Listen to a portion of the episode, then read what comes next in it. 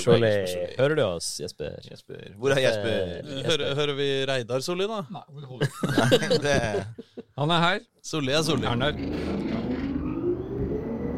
Trikkeliga.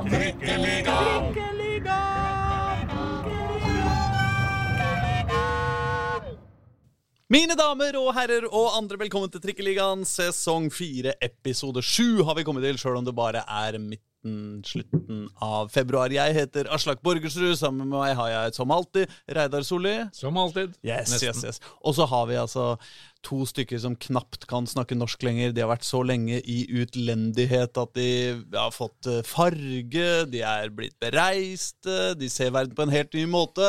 Pål Karstensen og Jørn Skjerpe! Hola! Ja, Hola, hola, Ja, dere er der, ja. Quanta, Costa, Senorita. Der eh, opplegget er klart. Men som Stefan Strandberg sa, det var jo altfor dårlig vær. Det var jo eh, regn og vind og ja. De to siste dagene var det greit. Det er nedtur.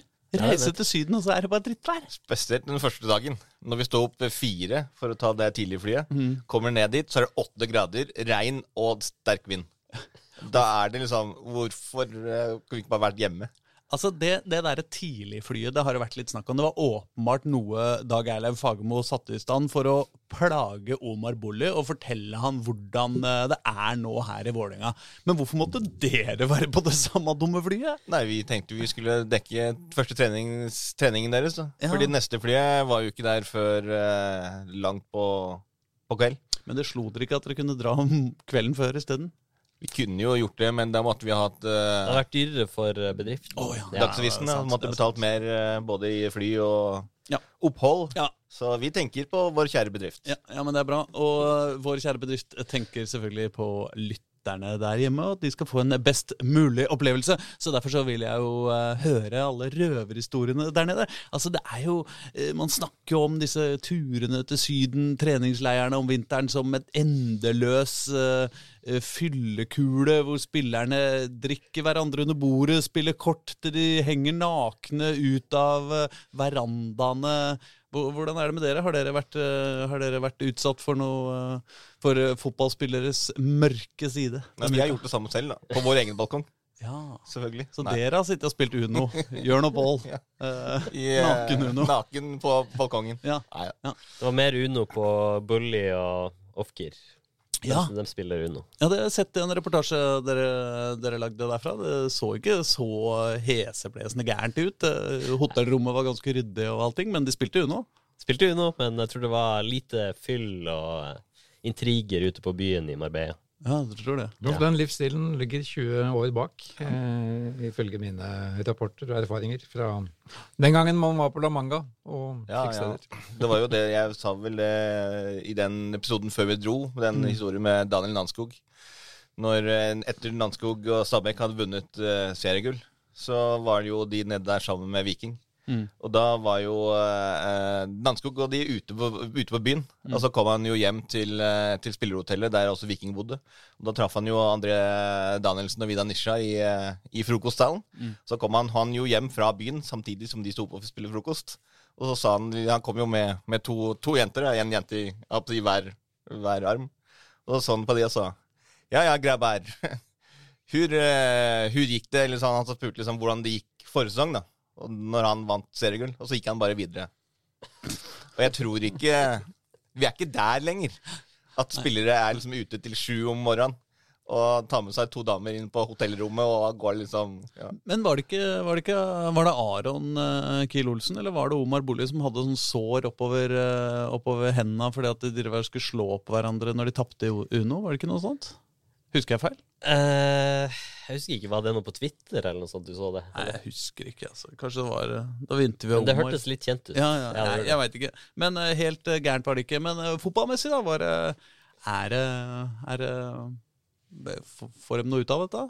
Må jo si at man deler eh, I hvert fall jeg deler jo eh, Strandberg og Fagermos bekymring etter vi, Jeg og Pål var jo i Algarve i fjor, og da herja jo Odin Tiago Holm og Osame Sarawi mot veldig bra motstand. Mens eh, nivåmessig så har de ikke vært på samme hylle i Marbella i år, vil jeg si. Nei, det, eh, som, altså, eh, det vi så i fjor var noe, for da prøvde de jo noe nytt eh, altså med, med Odin i en, i en dypliggende rolle. Det var Altså, det så mye bedre ut på samme tidspunktet i fjor. Flere var i i form, flere spilte, leverte gode prestasjoner. Det som vi har sett nå, eh, både mot, mot Malmö, eh, men også mot Moss så det, det er noe tungt og altså, seigt, og det er liksom ikke noe Altså, Det er jo preseason, men, men det er liksom ikke noe som gjør at øh, Oi, nå tenker du det her kommer til å bli fantastisk bra denne sesongen. Men eh, i fjor så hadde vi en kjempegod oppkjøring. Mm. Det gikk vel sånn passe halvveis i sesongen. ja, ja. Så vi kan jo se, hvis de har en dårlig oppkjøring nå, gjør de kjempebra i sesongen. Det er jo mulig, men, men det er jo en del kvalitet i det laget som, uh, som har forsvunnet, og som, som ikke er der per i dag. Ja, altså, jeg har jo sittet hjemme og lidet meg gjennom disse treningskampene på, eh, på nett-TV, og jeg må jo si at uh, Altså, Moss sin uh, Moss er jo det laget som, uh, som alle som har spilt mot hele Oslo-fotballen i, i, i, vinter. De tapte så vidt mot uh, Skeid. Uh, tapte så det sang mot Koffa. og så tapte så vidt igjen mot Vålerenga. Altså, det ser jo ikke særlig eh, det er, det, Jeg ble ikke veldig oppløfta av, eh, av, den eh, kampen mot, uh, mot, Moss. Så hadde jo VIF mye trening i beina og sånn de kan peke på, selvfølgelig. Men likevel så hadde man jo Vi hadde vel håpa å se mer fra Vålerenga i den matchen. Huff a meg. Jeg må bare si forresten til eventuelle lyttere som måtte være skeptiske til at nå, dette har blitt en rein Vålerenga-podkast. Det har det ikke det, altså. Og vi skal, vi skal til, til, resten av Oslo-fotballen når vi er bare ferdig med, med, med, arbeidet. Men vi har noen intervjuer og, og noe kos som vi, må, som vi, må, spille og diskutere når vi først, når vi først har Når dere først har vært, vært på tur og brukt alle bedriftens penger i baren på Marbella, så må vi jo det. Men, men Og vi har ikke bare snakka med Vålerenga-folk, som vi vel får høre etter hvert. Å oh, ja, ja, ikke sant. Det var, det var, det Mange jo... gamle kjente der, også fra Oslo-fotballen. Ja. ja, men det er bra. Fagermo, som du så vidt var inne på, har jo sutra over at uh, nå er Marbella blitt som La Manga var før. Det bare er liksom de samme klubbene som man møter hjemme. Det, han har jo rett i det. Det eneste er at været er litt bedre. Og så er det også litt bedre På La Manga, eller? Nei, nei. Altså, La Manga er håpløst. Ja, ja, men det virka ikke så jævla fint. Nei, vanligvis. Det her er jo, det her er jo fjerde eller femte året jeg er på Marbella. Ja. Mm. Vanligvis er været bra, liksom. Og så, så ligger det rundt 20 grader og sol hver dag. Mm. Men nå var det litt, litt, litt dårligere. Men det, det, er, altså, det, er, bedre forhold. Det er bedre altså, også forhold for spillerne. Mm. Det er mer å gjøre. Du slipper liksom å gå på veggen eh, dag én. Mm. Eh, det er bedre spilleforhold, det er bedre eh, gressbaner. Mm. Og det er jo det som gjør at liksom, alle norske lag pleier som regel å dra dit, fordi det er det beste, liksom. Ja. Som, altså, innenfor i hvert fall rimelighetens grenser. Ja.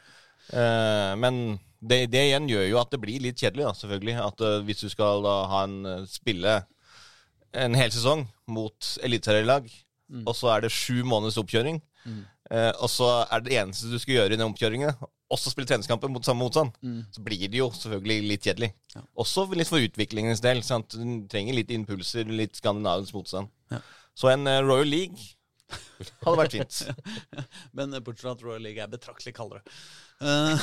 Legg det på bare. bare. Det er fint. Men jeg bare har lyst til å, altså Vi snakka om den Malmö-kampen uh, forrige uke, men uh, Moss-kampen uh, kan vi jo ta et, et par ord om. Er det noe, er det noe, hva er liksom de viktigste lærdommene av den kampen, dere som var der?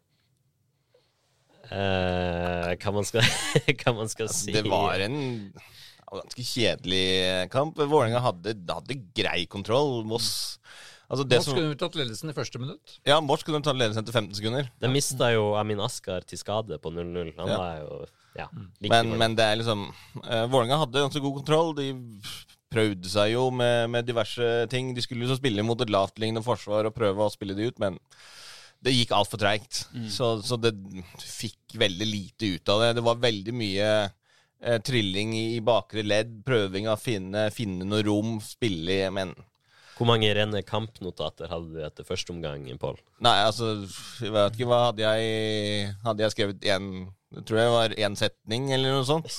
Som jeg hadde skrevet den første Altså før, før Børven skårte det første målet, mm. så hadde jeg vel egentlig bare skrevet sånn Dette går for sakte. Her skjer det ingenting, liksom. Eller altså Det, det var liksom ingenting å skrive om heller. Nei. Så, så det eh, Nei, det var ganske kjedelig, eh, kjedelig affære, egentlig. Sånn eh, Eneste jeg Jevnt over. husker, er at Dag Eilif klarte å pådra gullkort. Ja, Ja, og det, Ja, det, det var det var jo altså, helt rett, da. Altså, det var jo klink straffe, liksom, til Omar Bulli. Og han, det var det han sa. At selv om det er treningskamp, så må vi ta den, dommer. Såpass nivå må det være på dommerne også. Så. Det likte ikke dommeren så Det likte ikke dommeren, så da fikk han gult kort. Og det Den skal da, den skal da VAR ta når det steller munner. Ja, ja, straffen. Ja. Ja, Hvis VAR har litt bedre kameraer enn en norsk TV har på Marbella. eh, ja, det får vi jo inderlig håpe. ja, det får Ja, for det blir jo VAR light, som vi vel har nevnt tidligere. Men Ja, ja. Det blir ikke vanlig Premier League-VAR vi får se. Nei, Premier League-var er vel den verste utgaven av VAR òg, så Ja, det det er jo kanskje like greit at det ikke blir Premier League-var. Men jeg må bare si at eh, det var to ting jeg la merke til fra denne kampen. Det første var jo at han eh, Haakons eh, Han var jeg jo veldig spent på. En helt eh, ny spiller og liksom blir presentert sånn teknisk og rask og spennende. Ikke sant?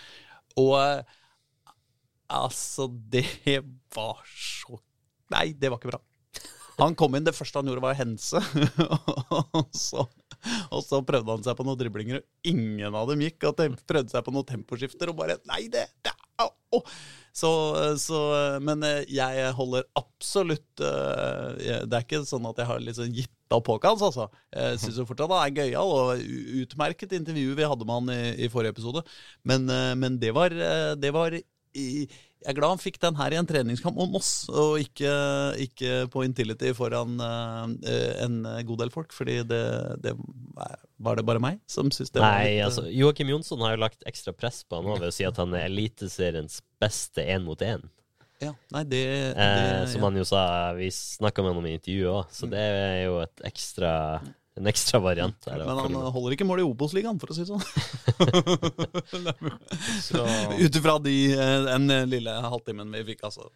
Eh, La det være sagt. Nei, Kanskje det mest positive var vel at Peder Strand gjorde comeback. Ja. Skårte etter null sekunder på banen. Ja, Ja. Det var også Første touchet, det, er- det er fint. Ja, det var rett inn eh, på corner og stanga ballen i mål. Kunne han egentlig bare gått av, og så bare takk meg. meg. Han meldte jo tosifra antall målpoeng i 2023, så Ja. han hadde vel bare fem eller noe sånt i fjor, så det vil jo være en ja, et syns jeg syns at uh, uh, uh, godeste um Uh, Altså, nå får får jeg jernteppe, da. Uh, godeste venstrebekken vår. Uh, Juklerød. Nei, han andre. Sota. Sota. Uh, når han kom inn, så var det jo et skikkelig løft på venstresida der. Ja, Eh, det, det- jeg jo, det er jo selvfølgelig litt sånn irriterende når man har eh, to gode spillere på, på samme plassen, men uh, ut ifra den kampen så syns jeg Sota var betraktelig mye bedre enn uh, Juklerød. Ja, det var det jeg jo merker ja, etter pause. At det var en litt annen intensitet. De prøvde i hvert fall å sette opp tempoet litt. Og da var Sota en av de som faktisk gikk fram og tok litt initiativ og, og gikk på noen løp og, og spilte godt, godt på, på kanten der. Så, så det var jo, var jo for så vidt oppløftende å se. Men eh, ja. Nei, men vi får skrive det på eh, kontoen for uh, dårlige bein og eh, tunge bein og, eh, og eh, kjedelig motstand, og så satser vi på at uh, vår tid kommer. men eh, jeg lurer på om vi skulle hoppe til noen intervjuer, da. Og, eh, og der er jo altså en kar som jeg har vært altså, kjempespent på. Eh, lurer på åssen det, det ligger an i eh, beina til eh, Christian Borchgrevink. Og det har jo dere fått en liten, liten et lite møte, en liten rapport om. Christian Borchgrevink tilbake på feltet i Marbella. Hvordan står det til med ditt kne og progresjonen der? Du har ikke krykker lenger, har vi sett. Nei, det er jo noe, da. Eh, Det er jo ikke så mye på felt for min del, men jeg har så vidt starta. Så det har vært fint å være med gutta hit. og Jeg har fått mine første sånne, kall det en slags sånn babyøkter. Tine fotballskole kaller vi det vel egentlig. Jogge litt sånn smått, og så gjøre noen enkle tekniske øvelser, og så eh, sykle litt. For dem som eventuelt ikke har fått med seg hele din historie, kan du summere opp litt hva, hva det går i? Ja, nei, det har jo vært en skada høyrekne for eh, ja, halvannet år siden. Og så har vi vært gjennom eh, to operasjoner i fjor. Eh, hvor vi endte opp med en litt større operasjon i oktober, da, eh, som jeg nå driver med rehab for. da. Eh, og akkurat nå så går det fint. Jeg er helt på planen eh, inntil videre. Og så skal jeg ikke ta ja, Skal ikke juble ennå, fordi det er lenge igjen. Men eh, ting ser bra ut. Og så har jeg noen måneder igjen, og så skal jeg være tilbake. Før jul så nevnte du kanskje at eh, et lite håp var å kunne spille fotball igjen til sommeren, eller noe sånt. Er det fortsatt målet? Det er fortsatt målet, eh, og det var jo på en måte den planen vi har der eh, lagt. da. Eh, og så er jo den litt sånn flytende i forhold til det kan ta litt lengre tid, det kan ta litt kortere tid. Eh, men eh, inntil videre så er jeg i hvert fall i mine øyne så er jeg litt foran planen, for jeg har prøvd å være litt pessimistisk så jeg ikke skal gå på nye nedturer. Eh, men ja, nei, planen og håpet er å spille i sommer, da. Ta oss gjennom det som er en vanlig dag for deg i disse dager, både på feltet her og også hjemme i, i Oslo. Her er det mye treninger, da. Jeg, trener, jo jeg har jo flere økter enn de som spiller fotball akkurat nå. Nå har jeg doble økter hver dag. Så har jeg hatt én fridag med bare én økt. Eh, så da er det annenhver dag med litt sånn småtterier på feltet her, som jeg nevnte. Og så har jeg litt eh, beinstyrke og litt eh, overkroppsstyrke og veldig, veldig veldig mye styrke og forskjellige greier. Og så litt eh, forferdelig kondisjonstrening på en sånn der eh, Salt-sykkel, som det heter. Eh, så som regel så er det to økter per dag og litt måltider imellom. Så går dagene fort unna. For en fotballspiller så er det jo tungt å ikke spille fotball, det har du jo snakka om flere ganger. Hvordan er det nå, når det har gått så lang tid siden du spilte kamp? Har, man, har du funnet teknikker og måter å holde det på avstand på, den tunge varianten? Ja, man legger det kanskje litt bak seg, da. Eh, akkurat nå så er det liksom bare det å ha fokus på nåtiden og det som skjer akkurat nå. Og det er jo er at jeg er inne i dette løpet, denne rehab-løpet, da. Eh, og det går bra til nå. Så egentlig eneste fokus jeg har nå, eh, er jo bare å tenke på det. Og det går veldig greit, fordi akkurat nå så går det bra. Og da er det veldig greit og er veldig enkelt å ikke drive og tenke på hva som har vært, fordi akkurat nå så ser jeg framover. Du har jo vært en del eh, Er du fortsatt en del av kapteinsteamet, forresten? Jeg har ikke vært en del av kapteinsteamet siden sommeren, vel, siden Stefan kom inn. Eh, da gikk Stefan inn, og så har jeg vært eh, litt sånn flytende operasjon og ikke vært like mye på Valle. Jeg er jo fullt tilbake på Valle nå, selvfølgelig, og Mm. er med gutta og sånn. Men det har ikke vært, jeg har ikke laget noe kapteinsteam for året, så jeg er ikke med akkurat nå. Men har du gjort deg noen tanker om hvordan det ser ut for, for troppen sin del? Både Dag Eilev og Stefan har jo vært ute og uttrykt bekymring for status på troppen. At det trengs eh, forsterkninger inn for å kunne kjempe i toppen. Hva er dine tanker? Ja, nei, jeg tror det er naturlig å se på troppen vår at uh, vi er et godt stykke unna eh, ja, Kall det gullkandidatene som kanskje er eh, Glimt og Molde per dags dato. De har jo to fullelvere med ja, eh, meritterte spillere som har eh, mange kamper i, i øverste divisjonen. Så ja, jeg ser at det skrives mye om diverse folk som skal inn, og sånn, så det er helt naturlig at det skrives om det. Og jeg tipper at det kommer til å komme inn litt til òg, så får vi se hvor vi står eh, når vi nærmer oss seriestart. Det er noen stund til. Snakkes det mye innad i spillergruppa sånn, om nye forsterkninger og diverse når det er preseason? Altså det er alltid, Du leser, vi følger jo med liksom, på sosiale medier, så vi får jo med oss det som skrives. Og så kanskje diskuterer vi det sånn smått, men det er ikke noe dramatisk. det er det ikke. Hva blir eh, løpet framover nå eh, for din del? Du var jo litt inne på det, men eh, din, din, den nærmeste tiden, først og fremst. Nei, Som sagt, så har jeg liksom nådd denne For min del så har det vært sånn fire måneders checkpoint som jeg egentlig nådde nå, siden operasjon. Og da kan man liksom starte å prøve å gjøre mer og mer. De første fire månedene etter operasjonen som har vært, har bare vært egentlig veldig mm, ja, safety first og rolig og ikke utfordre for mye. Så nå er det å komme seg i gang med jogging, som jeg har gjort, eh, og prøve å øke det. Så målet er å komme opp i en kvarters tid med jogg og litt mer fotball da, eh, i tillegg i løpet av måneden, og så ta steg for steg. Så en sånn eh, tentativ plan er vel å jogge mer eh, 15 minutter i løpet av måneden, og så prøve å komme ja, litt mer intensivt på ball med fysioterapeut i løpet av mars, og så april skal jeg prøve å menge meg litt med resten av laget. Men det blir små, smått med laget der. Så. Hvor vanskelig er det å eventuelt legge bånd på seg sjøl og ikke gjøre for mye? Eh, det er veldig vanskelig. Du har veldig lyst til å gjøre ting hele tida. Jeg merker jo at humøret blir veldig styrt av hva jeg klarer og hva jeg ikke klarer. Og når jeg klarer ting, så er jeg veldig glad, og da har jeg lyst til å gjøre enda mer. Eh, men vi har jo da, i samråd med fysioterapeuter og fysiske trenere her, så har vi laget en plan som eh, er ganske klar. Uansett om det går bra i dag eller i morgen, så er det ikke sånn at vi endrer den. Så følge den, så går det veldig greit. For ditt eh, drømmescenario for 2023, da, for egen del? Drømmescenario for egen del? Nei, da er jeg tilbake og spiller kamper eh, i morgen, da.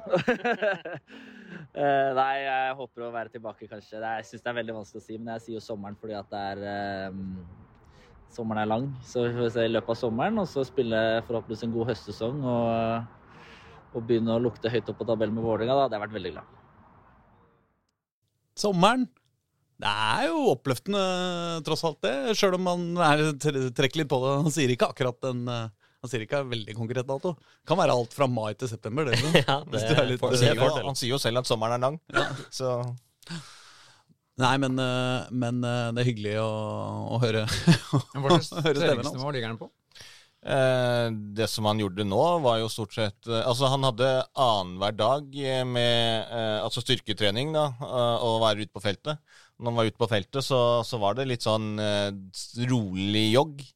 Og han fikk jo liksom beskjed om at du trenger ikke gjøre det noe bedre Altså, det var satt opp det han skulle gjøre.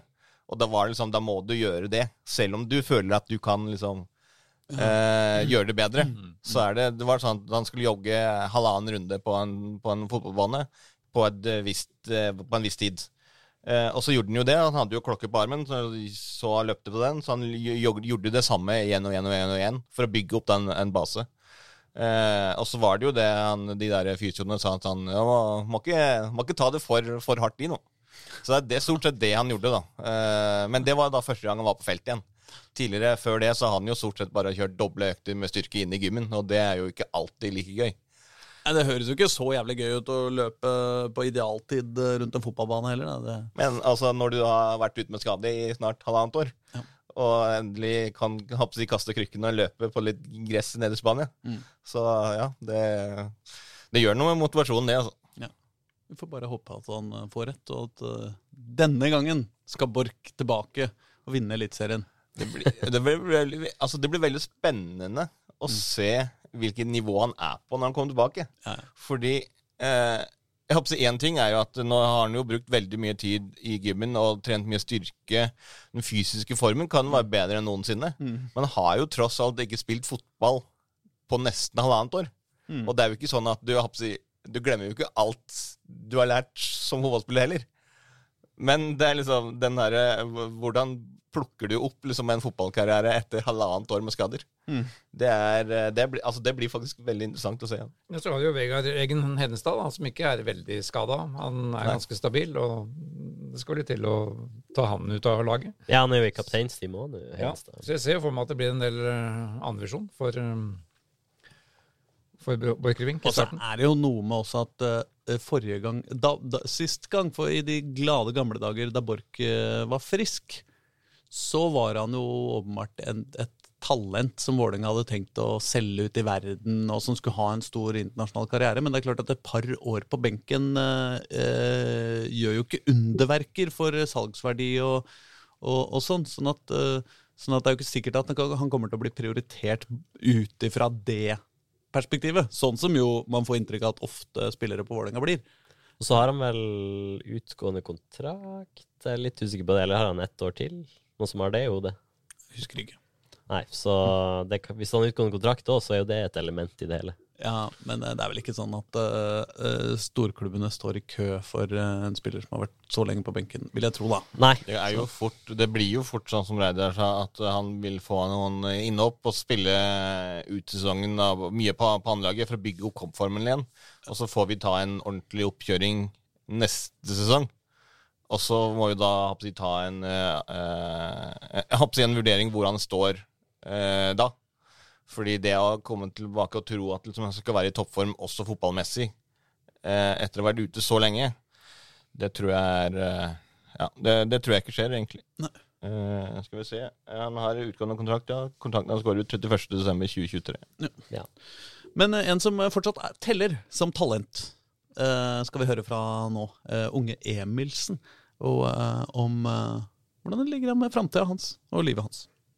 Mathias Emilsen på plass i Marbella igjen for andre gang i år. Hvordan eh, har oppholdet vært eh, så langt, syns du? Nei, det har vært et uh, tøft opphold. Mye hard trening. Uh, spilt én kamp hittil. Uh, så ja. fint opphold hittil. Ja. Egen form og utvikling, hva vil du si om den så langt? Per nå så kjennes jo kroppen ganske tung ut, men det er nok naturlig i og med at det er høy load om dagen og mye hard trening. Det skal nok være litt sånn. Men eh, jeg føler, eh, jeg føler eh, treningen har gitt utbytte hittil, og at jeg føler meg sterkere og ja, formen er bedre enn det den var i starten av preseason, så det er positivt.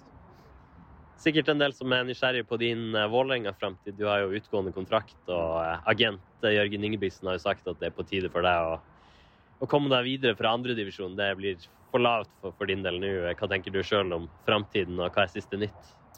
Ja, jeg er jo Det stemmer jo det at et år til med andredivisjon føler jeg òg blir litt for tynt med tanke på kamp, kamparena. Um, så det hadde jo vært optimalt å funnet seg et sted man kunne spilt fast på et høyere, et høyere nivå. Uh, så um, om det blir Vålinga eller et annet sted, er ikke sikkert ennå. Men det det, det, er ingen tvil om at jeg ikke har et ønske om å spille andrediv et år til. Er det noe interesse rundt deg fra øvrige klubber? da? Det har det jo vært tidligere.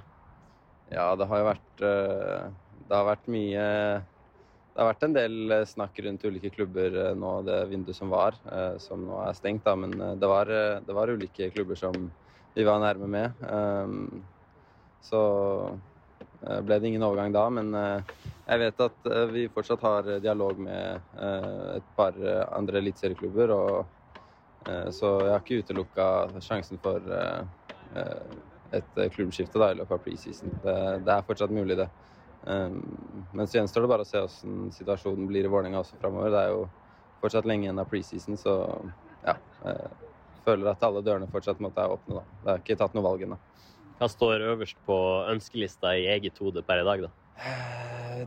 Eh, sånn det ser ut nå, så er det å spille eliteserie i år. Eh, så er det vanskelig å si om hvor det ville blitt. Men eh, eliteseriespill hadde vært det beste, ja i samtale med Fagermo og Joakim Jonsson eventuelt, hva har blitt sagt der, både fra klubbens side og fra din side?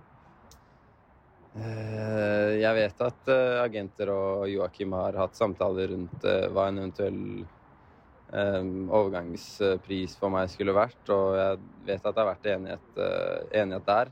Så jeg tror ikke problemet ligger på ligger hos Vålinga med tanke på en overgang. Da. Eh, men så handler det om å finne en klubb som passer meg bra, og der jeg vet spilletid står på menyen. Så det er nok heller der det på en måte vi ikke har truffet helt ennå, med, med, klubb og sånn. Så ja. Førstedivisjon, er det for lavt i ditt hode, eller er det også aktuelt? I første omgang så er det eliteserie jeg ønsker da, å spille i år.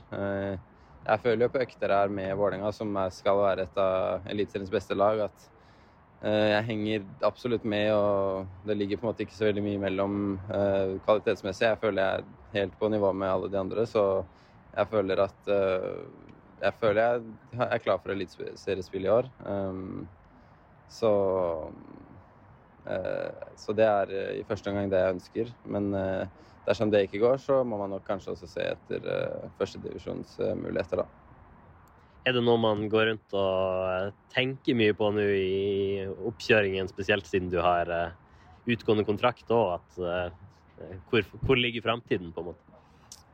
Ja, jeg føler kanskje det er mange, altså, mange av mine nærmeste rundt meg egentlig som stresser mer med enn meg, egentlig. Jeg har på en måte hatt mest fokus på meg selv og Eh, jeg har jo hatt mine problemer med kropp og litt skader og sånn de siste sesongene, så eh, mitt fokus har egentlig bare ligget på det å få trent godt eh, nå over tid og bygge, bygge, god form og få kroppen ordentlig på plass inn mot sesongen. Og så um, For å da være så godt som mulig klar for hvor enn jeg skulle ende opp da før seriestart. Uh, så jeg har egentlig ikke stressa så altfor mye rundt det.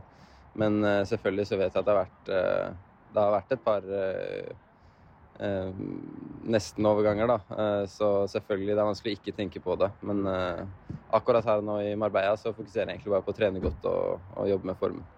Hvis du ser inn i krystallkula, da er du i Vålerenga når eh, sesongstarten kommer, eller eh, har du dratt videre?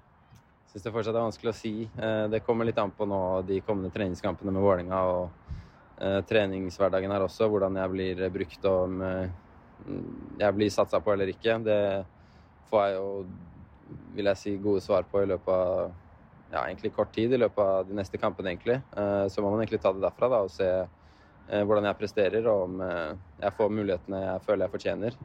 Hvis jeg ikke gjør det, så er det ingen tvil om at det hadde vært bedre Eller det beste hadde vært et, eh, en annen klubb da, i Norge eventuelt. Mm. Derfor føler du du har gjort deg fortjent til mer eh, kamptid i, i Vålerenga-drakt? Eh, både ja og nei. Um, jeg vet at uh, når kroppen min fungerer og jeg er, uh, spiller uten noen hemninger og sånn, så er jeg minst like god som egentlig alle andre på laget. Uh, så har jeg hatt trøbbel der, og det er jo det er jo ikke noe trenere eller noe sånt får gjort noe med. Det er jo Han kan jo ikke ta hensyn til det, Fagermo. Men eh, så har vi hatt dialoger eh, der eh, etter perioder hvor jeg har følt meg veldig bra, og dermed også prestert veldig bra, eh, hvor han sier at eh, eh, han virkelig ser da når jeg er 100. Um, så jeg håper at eh, ja, eh, jeg kan være 100 da framover, og da vet jeg at det er ikke noe tvil om at eh, jeg kan være med i en kamp om eliteseriespill eh, denne sesongen også. Så det er egentlig det det står på, å bare holde kroppen eh, helt fin da i, eh, over en periode. Og holde, holde kroppen helt skadefri og fin, for da vet jeg at jeg er god nok. Hva har du av personlige utviklingsmål i 2023? da? Hva, hva har du å gå på som eh, midtbanespiller? Altså Førstepri er, som jeg har sagt, da, å på en måte være helt, eh, helt skadefri og fin. fordi da vet jeg at jeg blir en Eller da er jeg en mye bedre spiller enn det jeg får vist når jeg spiller med eh, litt vondter her og der. Um, når det kommer til det, så kan jeg kanskje bli enda råere på eh, det defensive. Spille med enda mer trøkk eh, i det defensive spillet. Uh, samtidig så kan jeg også bli tørre mer offensivt. Bli råere på ja, uh, valgene fremover, da. Og bli farligere. Ja. Tusen takk. Ja, det er ikke bare lett å være Emilsen heller. Uh, han vil vekk. Han vil vekk, lever og spiller andredivisjon. Mm. Har en uh, agent, tidligere Vålerenga-kjenning Jørgen Ingebrigtsen, som også sier at han må vekk. Ja. Og så sier Fagermo at han ikke skal vekk. Ja, men Det syns jeg er gjennomgående i alle, uh, alle um, intervjuene dere har gjort. At uh, dere intervjuer en spiller eh, som sier har et eller annet problem, eller det er liksom negativt på et eller annet område, og så er det Fagermo som kommer inn og sier Nei, slutt, da! Dette går bra! ja. Nei. Ja, Eh, Vi tviler vel litt på hvor bra det vil gå for Emilsen med tanke på spilletid i Vålerenga i Eliteserien. Eh, ja, for Emilsen er indreløper. Det er jo stort sett ja, midtbane Altså, i, altså Av de rollene som Vålerenga har da, i Ja. sitt lag, så er det nok innløper som er, eh, som er hans beste posisjon. Ja. Fordi eh, han kan jo kanskje brukes som dyptliggende på- midten, men, men det er litt sånn litt andre kvaliteter som, som trengs der òg. Nå Siste kampen med oss så kom han jo inn som høyreback. ja, han gjorde det, ja. Så det spørs vel eh, eh, du, du, Altså, Vi hadde jo en Felix Horn Myhre her i klubben eh, i Vålerenga for et par år siden. Mm. Som jo også ble brukt litt på bekken, og det ville han jo ikke gjøre, og han forsvant jo. Så det er vel ikke sånn at det ser veldig lovende ut når du blir ønsker å få mer spilletid, sjanser på midten, Mm. og blir satt inn på høyre bekk.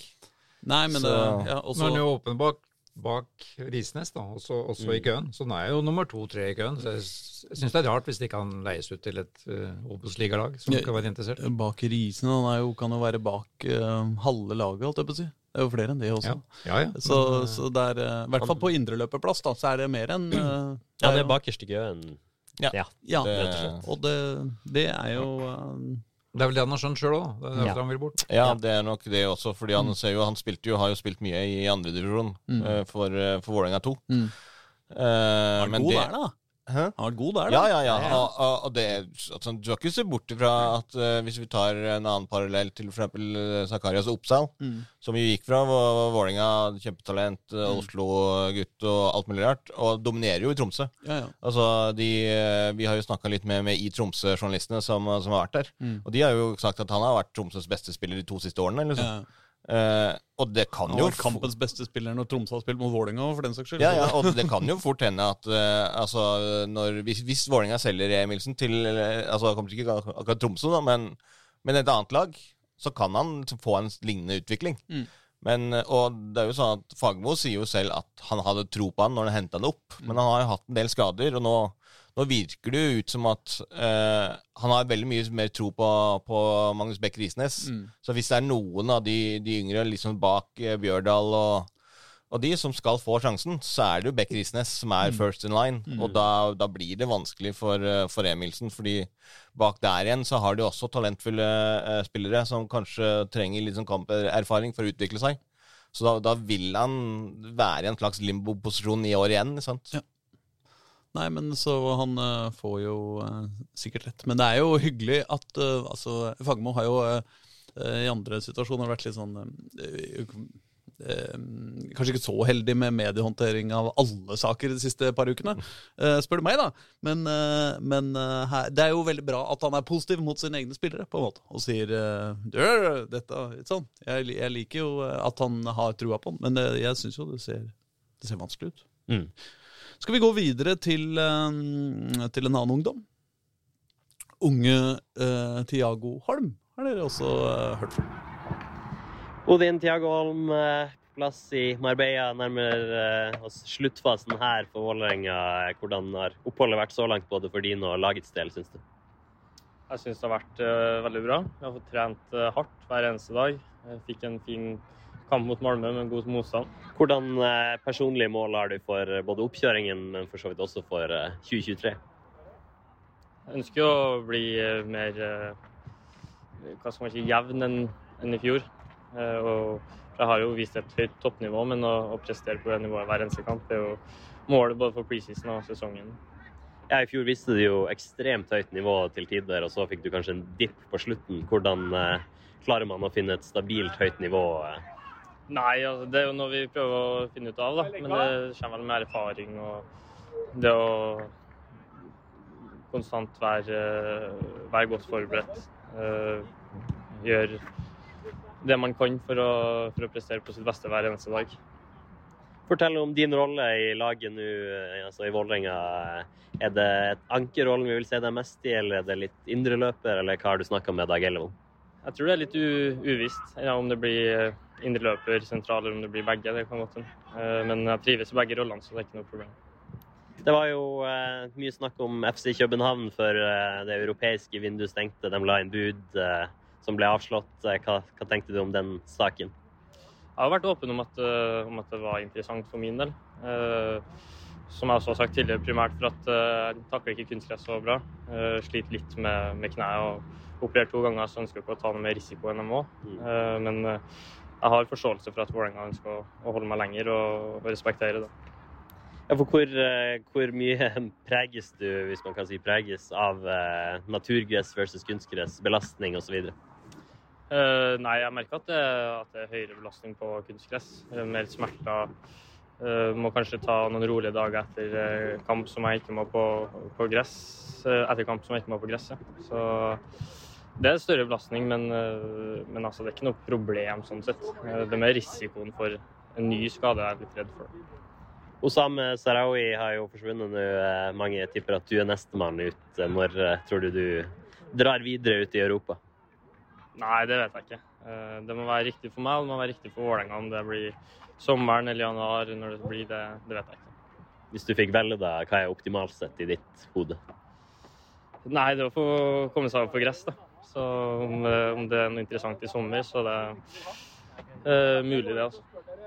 Fagermo nevnte jo til oss at FCK ville vært et feilsteg for, for din del. Du bør sikte kanskje høyere enn som så. Hva tenker du om, om det? Uh, Nei, altså det er jo en veldig stor klubb som spiller Europa hvert eneste år, om det er Champions League Europa League. Så det, jeg tror det er et, et naturlig fint steg. Hva tenker du om eh, Vålerenga-troppen og kvaliteten eh, i den per i dag, f.eks. sammenlignet med i fjor på samme tid?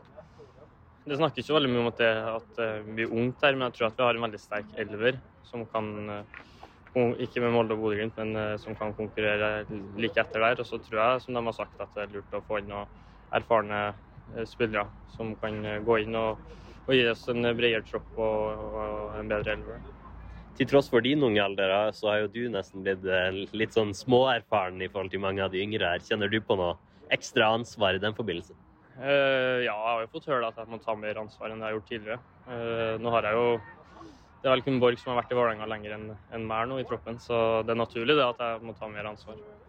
Tenk at det er de to eldste spillerne i Vålerenga! Eldste er det kanskje ikke, Nei, nei, men men, altså de som har vært lengst. veteraneste. Hva, skal, hva heter det? Ja. Lengst fartstid i Vålerenga. Ja. Odin er den med nest lengst fartstid i Vålerenga. Det er helt sjukt å tenke på. Uh, spør dere meg. Men uh, Ja, og de som spiller, så er han jo den med lengst, da. Ja. ja, ja, ja absolutt. Og det, ja, nei, det, det, tida går når vi har moro. Uh, Ja, det er jo liksom ikke så mange år siden jeg var nede i Skien på sånn talentleir, når han nettopp- nettopp hadde signert for Vålerenga. Da var han vel 15 år gammel. mm. Uh, nå er han jo 20. Mm. Han er jo da formelt ikke noe talent lenger. Han skal jo være fullvoksen, fullblods fotballspiller. Nå skal ikke du være en sånn mann. Man må, altså, i, i, I gamle dager slo man ikke gjennom før man var 26. Eh, Da man- det 26, ja. Og- Tommy Svinan Larsen slo gjennom når han var 34, var det? Eh, ja, Evig talent hver eneste sesong. eh, Helt fram til han la opp. Frode Johnsen eh, var jo eh, 29 eller noe sånt, eh, var han ikke det? Når han eh, første gang begynte å skåre mål i Eliteserien. Så, så slapp av, Odin. Dette går bra. Men, uh... Men det folk kanskje har bitt seg litt merke i, det ja. at han, han utbroderer litt om det med kneproblemet sitt. At Mm. han eh, På kunstgress så blir det litt smerter og litt sånn etter å ha spilt kamper på kunstgress. Mm.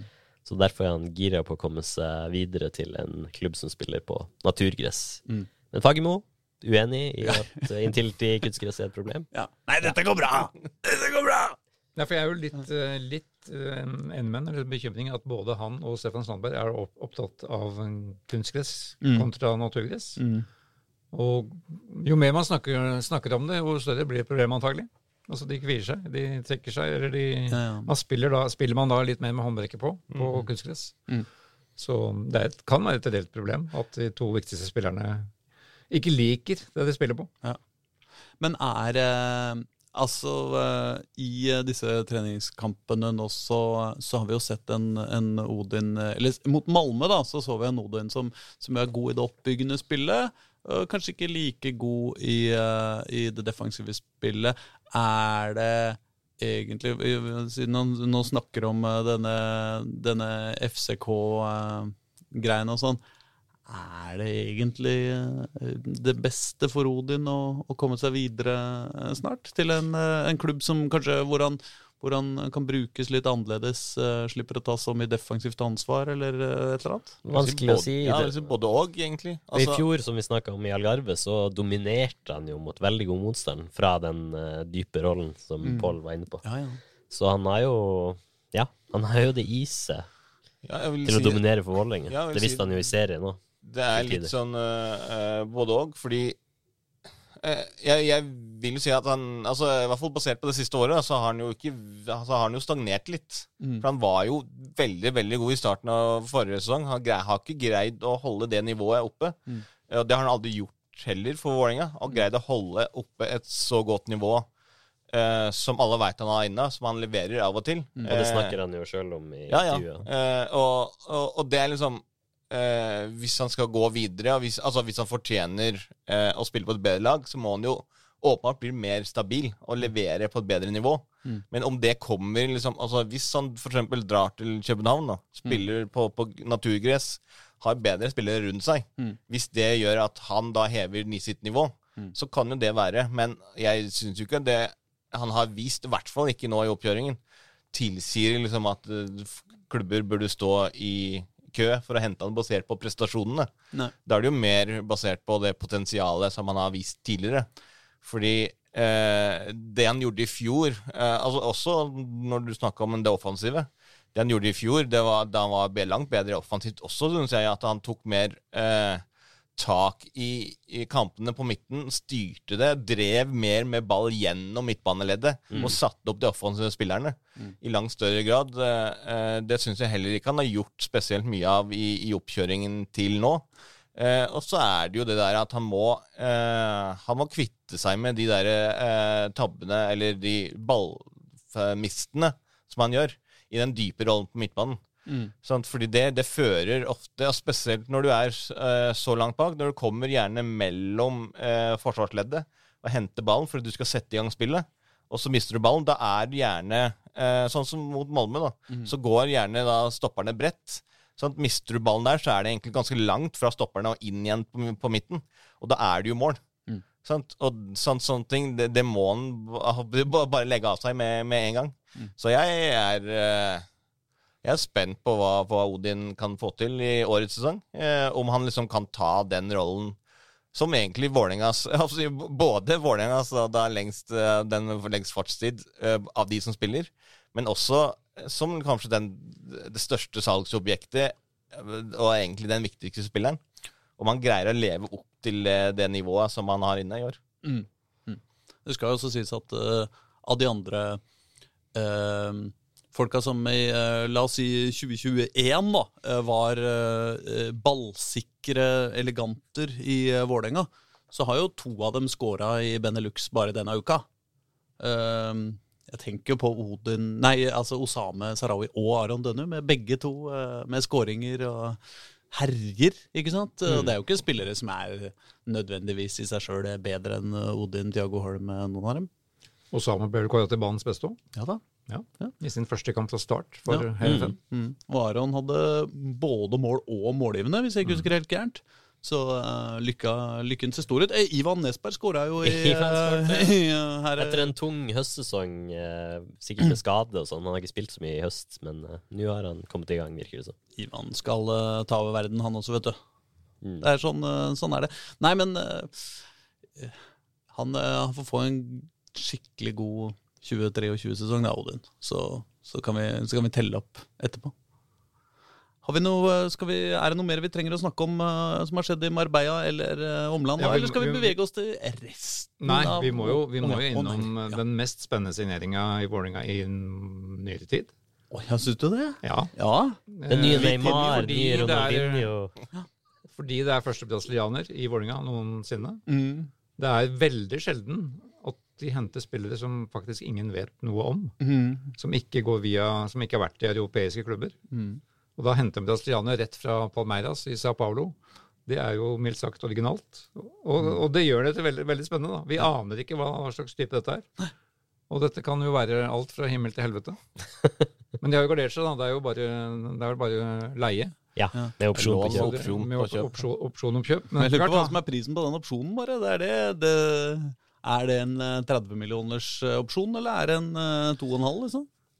Godt spørsmål. Ja, altså, det er nok eh, eh, Altså, det er vanskelig å si, da, men, men jeg eh, de, Altså, måten Fagermo har ordlagt seg på, med at de har den eh, altså kjøpsopsjonen i banken Så, Ja. altså, så at, altså, prisen er fiksa, liksom. Mm. Det er bare Ja. at eh, eh, hvis Vålerenga vil ha han, så kan de utløse den, eh, altså, den opsjonen i sommer. Eh, og det gjør jo at eh, jeg Altså, det, det er nok ikke for dyrt. Uh, Eh, eh, men, men det blir, blir veldig spesielt ja, Veldig spennende mener jeg, å, å se det, altså, fordi det kan være Kan være hva som helst som, som kommer inn der. Men han men kom være- til Marbella, gjorde han ikke det? Jo, han kom. Vi venta jo på han da han kom. Ja, men Fikk dere se han spille fotball? Nei, han dro hjem Han til Oslo dagen, eh, altså før trening dagen etter. Han dro til legesjekk i Oslo. Så det var, bare, det var rett og slett bare en pitstop på veien, liksom? Ja, Ja, så vi har, vi har ikke sett noen. Han har vært på trening på Intility. Og han får kanskje sin debut da, mot Raufoss på onsdag. Og vi aner ikke om dette er en eh, Kanskje vi er en toppskårer i Eliteserien om, eh, om et snaut år? Ja. Nei, halvt år. Eller det er en, en flopp. Her kan alt skje. Ja, hvis, Eller hva som helst mellom de to. hvis det blir en suksess, så er det jo, det er jo en enorm, eh, enorm gevinst for denne speideren som vi hadde her for noen Mm. uker siden. Det er jo han som har eh, Han fortalte jo Visur, her ja. om, mm. om turen sin til, til Sao Paulo. Mm. Det var vel en U19-turnering, var det ikke det? Jo. Så det var jo der, der han fant, fant den. Mm. Det er jo fascinerende, den historien han fortalte om hvordan, hvordan hele overgangen gikk. da. Og Palmeiras er jo en av de betydelige klubbene i Brasil. Ja. Og den, det er ikke lett å komme inn på A-laget der. Men eh, Nei, altså, de, de har jo eh, Endrik på topp. Og Endrik ble jo nylig solgt for var det 750 millioner kroner til Real Madrid. Mm. Men han skal jo spille der i to sesonger til, tror jeg. Han er vel 16, Endrik, så han går jo ikke til Real Madrid før han er 18. Mm. Så det, det også har jo litt å, å si, fordi da vil han jo ikke få noe spilletid de neste to årene. Fordi når du har en spiller som er solgt for 750 millioner kroner til Real Madrid, så vitner det om et visst talent som Ja. jo gjør at Palmeiras sannsynligvis har lyst til å bruke han. Og han, da, han, han snakker jo verken engelsk eller norsk, Mm. eh, så han skulle først lære seg engelsk. For han, han skal ikke bli i Vålerenga. Dette er jo et eh, Springbrett. et springbrett til Europa. Ja. Men eh, nei, det blir veldig spennende. Det er, mor det er morsomt med sånne signeringer som uh, spillere som ingen veit noe om. Det liker jeg. Det ser vi jo på lesertall og sånn òg, at det er stor interesse for Vitinho. Nei, men eh, da kan vi jo like liksom godt uh, ta oss og eh, ta eh, for, for å få muligheten til å si hva var det jeg sa. Um, fem ord fra hver om hvordan sesongen hans går i år. Uh, ja, kanskje du skal begynne da, Pål. Ja. Hva tror du? Vitinho. Altså, Bare, bare fem ord, Fem ikke noe, ikke noe lang utlegging. det er helt umulig å si. Ja, det, er, det er en dårlig analyse, men sant. ord. Men, men altså, hvis jeg skal Sju mål, da, og brukbar, brukbart sliter litt med å tilpasse seg i starten. Ok, det var også mer enn fem ord, men greit, uh, Jørn. Hva Eh, tror du? forsiktig start, men så suksess. Ja, hva med deg, Reidar? Jeg tenker også positivt, som Bjørn. Forsiktig start pga. stor kulturforskjell og både klima og det diverse. Men så skjønner, finner han koden og kliner til. Men det her var vi oppe i 17 ord, eller? er det Ok, noe? Beklager. Ja, ja. Nei, altså, det Jeg skal holde meg til fem ord, da, for jeg må følge mine egne regler. Det går lukt til helvete. uh, det, det er absolutt bare basert på gjetting og personlig form for min del. Eh, Ekte, uh, pessimist, ekte pessimistisk VIF-supporter. Absolutt, absolutt, absolutt. Men det er vel uh, Var det to sesonger siden Aslak satt i studio og sa i år blir det gull til Vålerenga? Har det traumatisert deg såpass at du nå er permanent pessimist? Nei da, jeg kan Nei? eh, mene det i neste uke. Men denne uka eh, eh, Kanskje ikke neste eh, uke. Denne uka tenker jeg vel at eh, det er mer sannsynlig med nedrykk enn med gull. Mm. Um, Slik er det å ha vinterferie.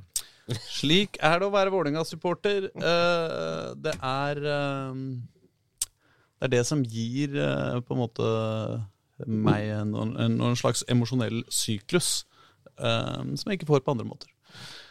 Skal vi da bevege oss eh, hjem til, eh, til andre deler av Oslo-fotballen? Ja, det har Både ja og nei. Hvis, Både vi ja skal, og nei, ja. hvis vi skal tilbake til Marbella og For det er jo Ja, for dere, dere, dere traff noen på flyplassen også? Ja, både på Både på flyplassen og på på og, felt og andre steder i Marbella. Og langt opp Pokkervoll, oppe i fjellandsby. Fjellandsby. Ja. Hva, hva, da? Oppe i fjellandsby? Nei, det var jo eh, Koffa eh, var jo nede der samtidig som de kom jo på tirsdag. Så de var der nesten en uke når vi var der. Ja. Og de spilte jo den eh, kampen som vi rakk å få med oss, eh, spilte de jo oppe i Quinn, som er en eh, fjellandsby som det er ca. 45 minutter å kjøre fra Marbella. Høydetrening. Ler, langt rett opp i fjellandsbyen med Grusvei, ja. grusveier, og der ingen kunne tro at noen kunne bo. Hvorfor, Eller ha en fotballstadion. hvorfor det? Nei, det, Det det, det, er et på. godt spørsmål. Hvem spilte de mot? De spilte mot uh, Start. Start. Ja, det blei det ble sånn lokaloppgjør der. Nei, ja, og det ble målkalas, og dessverre en Å ja, det var den, skade. det var den 5-4-kampen. 5-4-kampen, ja. Den Ja, ja, ja. fulgte jeg på fotmobb og bare oi, oi, oi, oi, oi, oi. Og så, ja, nei, det var Det var ikke forvirrende greier. imponerende keeperspill i den kampen der. Nei, Nei. ikke fra noen sider, egentlig. Uh, men det var en veldig gøy kamp. Eller, det var ikke en veldig gøy kamp, det var en veldig trist kamp. Men, eh, og det er jo mest fordi uh, Stabrum Altså Hvis vi snakker om uh, Hvis vi snakker om Christian Borchgrevink, som Ja. er skada, Mm. så har jo Håkon Stabrum vært mye mer skada Mm. enn det. Og han har nesten vært skada hele karrieren. Ja. Med eh, to kneoperasjoner og ja, Det er ikke måte på hva han har vært Altså, han, har vært skada i alt som går an å være skada i, nesten. Mm. Eh, men nå har han kjempet seg tilbake etter to år i, eh, eh, i gymmen. Eh, vært ute med skade nesten to år i strekk. Eh, kom inn etter pause, fikk ti minutter, og så røk det andre kneet. På akkurat samme måte. Og du hørte det Altså, det, det vi først så det på, var jo at altså, det, det som var i den situasjonen da der han uh, gikk ned, det var jo at han tok et steg forbi keeper, runda keeper, Mm. Uh, uten at noen var i den, så gikk han bare rett ned. Og så begynte han å grine med en gang. For han, han, Han skjønte hva som han skjedde. skjønte hva som skjedde. Han vet, han har vært igjennom det her så mange ganger tidligere. Og så sa han liksom det her er det andre kneet. Så nå har han jo hatt eh, gjentatte kneoperasjoner i det aller høyre kne. Mm. Og nå eh, er det jo da tydelig at det er det samme i eh, eh, det venstre kneet. Og det eh, sant? Det, det, det er bare Det var bare fryktelig liksom, å høre han ligge der og, og gråte og skjønne liksom at nå må han gjennom det alt på nytt. Mm. Hvis han gidder. Ja, ja. Sant? Det er jo akkurat det. Ja, det. Og han er jo bare 24. Sant? Mm. Kunne jo fint sikkert spilt fotball fall på det nivået her i ti år til. Mm. Sant? Men så kan det hende at det det skadeproblemet tvinger han til å legge opp allerede. Og det er, det, det er kjempesynd. Det er veldig, veldig trist. Eh, Ja, det var trist å se på. Det var, det, det er som du sier, det var ikke noen, det var ikke noen situasjon heller. Altså, det bare skjedde uten at han var i kontakt med, med noen. Og da med den skadehistorien. Så det var godt å se på. Det, det var vel du som tok bildet der, når han lå på båra ved siden av, og hans eh, far, vår kollega sjefredaktøren i Nettavisen, sto, sto tett, var tett på. Ja, både begge foreldrene hans eh, var på plass også. De hadde tatt turen ned, liksom. Så det var altså på en måte fint at de var der for å støtte han og bli med i ambulansen som kjørte han til sykehuset. Men på en annen måte så er det liksom når du da får med familien endelig skal liksom Yes, nå skal jeg fra fotball igjen. Så går det ti minutter, og så må du bli kjørt ut i ambulanse og til sykehuset for å gi et ny kneoperasjon, liksom. Så er det, nei, det er en for tidlig, forfan- forferdelig situasjon. Så, Så vi håper det beste for unge Stavrum. Men um, det er lenge til vi får se den igjen, tror jeg. Det, det tror jeg òg. Vi har jo spurt litt om og sånn, men de eh, I hvert fall inntil i går, da. For jeg har ikke sendt de en, eh, en spørsmål i dag, men de har ikke fått noe svar på, på bildene ennå. Så vi veit liksom ikke hvor alvorlig eh, de er, eller hvordan han vil takle det selv. Men, eh, men også i Koffa så frykter de det, de frykter det verste nettopp pga. den skadehistorikken han har hatt selv, og at han veit hvordan det er å gå gjennom de tingene her. Og når han da tok så på vei, og det han sa til fysioen etterpå, det gjør at eh, ja, det, det blir nok lenge til eh, vi får se han igjen. Det, er godt mulig at hele sesongen her ryker, og kanskje med det også hele karrieren hans. Men fem baklengs var ikke bra heller, da. Nei, det, det var det jo ikke på ingen måte. Eh, første 55 minuttene, helt fram til Stabrum ble skada, så spilte Koffa en veldig god kamp. Eh, start ga jo vekk enorme rom eh, bakover. Spesielt da Apsi på, på kantene, der med, med Petter eh, Nåsadal og Theodor eh, Haltvik, eh, han nye fra, fra Raufoss gjorde at de fikk veldig veldig mye plass å boltre seg i. Eh, På midtbanen så styrte de spillet ganske flinkt. Det var altså Hestnes og, og de som var der, de var veldig flinke til å slå ballen ut i, og utnytte de rommene. Og da skapte de mye sjanser. Leda 3-1 til pause. Eh, de skårte jo også et mål altså Stavrum greide faktisk å levere en målgivende før, han, eh, før sesongen var over. Så eh, da Haltvik fikk satt inn sitt eh, hat trick. Eh, men etter det så, så kollapsa de litt. Og jeg spurte litt sånn um, Johannes Mosgaard, Koffa-treneren, som jo kom ned dit den dagen fordi han hadde vært sengeliggende med 40 feber.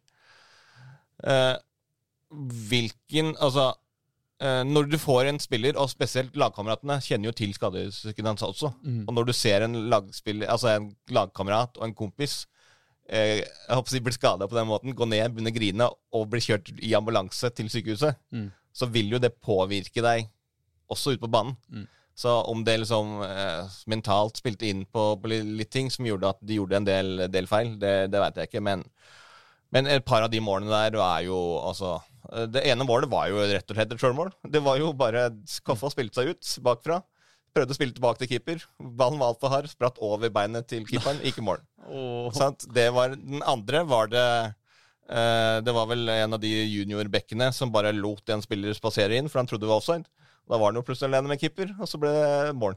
Altså, sånne, altså Når du slipper inn to-tre sånne mål, sant? da er det vanskelig, også med, med det laget som du har utpå der, sant? vanskelig å, å holde igjen. Så når vi så liksom målene begynte å renne inn, på en måte, så var det eh, du var liksom Klarer Koffe å holde ut? Og det gjorde du ikke. Eh, så, så fikk de jo pressa inn 4-4, de fikk pressa inn 5-4. Altså Start greide å snu kampen. Og han var jo åpenbart ikke fornøyd med det, eh, Mosgaard, for de slipper vel inn fire mål på 20 minutter, eller noe sånt. Så fikk han jo eh, stopperen Njay skada òg. Ja. Så det var jo heller ikke gunstig. Ja, ja. Nei, men så, så hyggelig, hyggelig dag eh, for eh, Koffa i fjellene, da. Ja, Men det er jo ikke bra. Hvis man skal se det på den lyse sida Nå, er jeg, nå eh, griper jeg etter halmstrå, jeg innser det. Men hvis du først skal ha en ballen hopper over foten til keeper, går i eget mål-situasjon i løpet av året, så vil du jo ha den uh, i fjellene et eller annet sted i det dypeste av Spania hvor uh, ingenting har betydning. Ja. Og dessuten ingen kommer til å huske det etterpå. Nei. Jeg vil jo tro at uh, også at uh, ja, men Det er liksom fint, fordi mange av de som var der, i hvert i andre gang, da var jo litt yngre varianter. Mm. Så at de kanskje lærer noe av det her, og det ikke skjer igjen. Mm. Det er jo også det vi kan altså Hvis vi skal se på den positive siden, at de kan ta seg litt lærdom av det. Vurderer du et feriested i fjellandsbyen Koin for øvrig? Nei. Å nei, det var ikke noe fint der heller. Nei, nei, det er jo altså, Nei. Jeg har, eh, jeg har Den gangen her så kjørte vi jo rett på det. Jeg var jo der for fem år siden eller sånn med Sandnes Ulf. Mm. Eh, og da gjorde jeg ikke det. Da visste jeg ikke hvor det var, for da hadde jeg ikke vært der før. Så da kjørte jeg faktisk inn i altså tettstedet Queen. Mm. Eh, og det Nei, det, det er stusslig. Det verste er at eh, eh, han i Tromsø-journalisten, som vi jo snakka om eh, tidligere eh, Tromsø har jo bodd på en, altså, en sånn resort som er enda lenger ut enn det. Mm. Og det, altså, det er bare nitrist. Det er ingenting å gjøre der, liksom. Det er altså så stusslig. Vi spiller Så- da mot K5 onsdag i, sin, i K5s siste kamp. Ja, Tromsø Koffa. K5. Å ja, Tromsø. Ja, ja. ja. Eh, Da kan vi bevege oss videre fra KFM, da, kanskje? Skal vi hjem, da, eller? Ja, vi er fortsatt, Ja, men vi har jo ikke besøkt uh... Vi har mer. Ja, Vi er fortsatt har- på feltet, eller La Quinta-banen i Marbella. Skal Ja. vi ikke dit? Jo, du tenker på eh, da Våre dere, venner da dere traff på X, eh, altså våre De som har rømt vekk fra Oslo-fotballen. Ja. Vi har jo tidligere Koffa-spillere, og tidligere Vi traff jo både eh, Altså, vi eh, traff en rekke tidligere spillere. Men, eh, men altså fra Koffa, Tore Sørås, mm. som vi har snakka med, som har gått til HamKam. Henrik Udal, tidligere Visvis, som spilte i HamKam. Men altså, vi var opp der og så siste dagen vi var der, så så vi Sandefjord-Rosenborg. Mm. Uh, og da tok vi jo en prat med tidligere Kjelsås og Koffa-stopper Jesper Toje. Mm. Og da nylig, skal vi si, nylig avgåtte Skeid-kaptein uh, Fredrik Bergli, som også har gått til Sandefjord. Perfekt. Fredrik Bergli og Jesper Toje, Oslo-fotballen eh, forent i midtforsvaret til Sandefjord. Hvordan har det gått så langt? Du er jo ferskest i Sandefjord av dere to, Fredrik. Ja, nei, så langt er jeg veldig fornøyd. Eh, kommet inn i gruppa og fått spilt noen kamper med Esper. Så det har gått bra så langt. Hvordan blir Roddan stopperpar med Fredrik, eh, Jesper? Nei, det tror jeg blir veldig bra. Vi har litt sånn komplementære ferdigheter, så jeg tror vi skal passe veldig bra sammen. Hva bør Sandefjord eh, sikte mot i Eliteserien i år? Eh, Jeg bør sikte oppover, i hvert fall. Eh, Så man slipper at det blir sånn som i fjor. At det blir nervepirrende til siste sekund. Eh, Men eh, jeg har veldig troa. Det har sett bra ut i treningskamper, så vet man jo aldri når sesongen starter. Men eh, nei, vi, vi sikter jo oppover. Vi gjør det. Jesper, du har jo gått på en måte litt samme vei som det Fredrik gjør nå. Hvordan erfaringer kan du dele med han i og med Eller med tanke på å spille eliteseriefotball nå? Nei, jeg tror vi, som du sier, har hatt litt samme vei. At vi bare har kost oss med fotballen, og så får det ta oss dit det kommer. Og så tror jeg begge har vært, hatt litt sånn hunger på å ta det nivået vi spiller på, da. Og nå spiller vi her sammen, så det er jo kult, det. Men det er jo bare å kose seg. Det er liksom ikke så stort steg opp, men det er litt forskjell. Klump, komplementære ferdigheter, sier du. Hvordan eh, ferdigheter har, man som eh, man kan spille hverandre god med? Ja, nei, altså det er ganske klink på Jesper. Det er jo duellspillet. Eh, en ekstrem spisskompetanse på dødballer, både offensivt og defensivt. Eh, og så er det jo Vi føler at vi er ganske sånn dynamiske begge to. Eh, så vi, også er vi ganske spillende. Så vi, og så kjenner vi hverandre godt òg. Så det Jeg tror det kan, kan bli et bra stoppepar. Hvordan er det spiller man med en Skeid-drakt og en Koffa-drakt under Sandefjord-drakten? Ja, nei, jeg merker at jeg roper 'kom an, Skeid', så det, det er litt uvant. Men eh, man blir fort vant til det. Det er litt rart å spille i blått, men eh, Savner du Koffa-tiden, eh, Jesper? Ja, jeg hadde det fint der, men jeg må huske at min fartstid er lengst i Kjelsås i Oslo-fotballen, så det må man ikke glemme. Så jeg er vant til å spille i blått, jeg. Hvor mye får man fulgt med på Oslo-fotballen eh, som eliteseriespiller? da? Ja, nei, vi så Skeid Kjelsås i LSK-hallen i dag tidlig, så det, vi følger med, vi. Det er eh, Vi er fortsatt uh, veldig interessert i hvordan det går med gamle lagkamerater. Så det, nei, det er kult. Tips for hvordan eh, Oslo-lagene vil gjøre det nedover i di- divisjonene da, Jesper, i 2023? Åh, skal vi ta Kjels... Nei, Koffa og, Koffa og Skei, da? Nei, det er litt spennende med Koffa. da. De har mista litt. Men jeg tipper de kommer til å kjempe om en kvalikplass. Men jeg tror det blir kanskje litt tøffere i år da, enn det var i fjor. Og Skeid eh, Nå har jo de mista både Bergljot og Romsås der, så det er to tunge tap. Så nei, blir vel kamp om å overleve der, tipper jeg. Enig, eller? Nei, jeg er ikke helt enig. Nei, jeg tror, eh, tror Skeid også sikter oppover. Jeg tror de har en eh, veldig god mulighet neste år. Eh, så er jo Obos er jo umulig å spå. Så det er jo 15 lag som er ganske jevne med hverandre. Så det Jeg tror starten blir viktig for begge lag. Eh, og så må vi satse på å unngå den kvalikplassen i Skeid. Men det tror jeg skal klare òg. Og gamleklubben eh, Kjelsås, da. Det er jo mye Oslo-lag i andredivisjon òg. Har du noe Se inn i krystallkula for oss der, eh, Jesper? Ah, nei, den blir litt uh, vanskeligere igjen. Nå er det jo nesten helt nytt lag siden jeg var der. Men de har mista Midtskogen og Brotangen og Paintsil, så det er jo noen tunge tap der òg, da. Så, men at de kan være på øvre halvdel, det tror jeg. Helt til sist, eh, livet som eliteseriespiller. Dere var jo litt inne på det, men eh, hvordan eh, har det forandra seg fra å være førstedivisjonsspiller, f.eks.? Ja, nei, jeg har jo flytta hjem, da. hjem til Vestfold.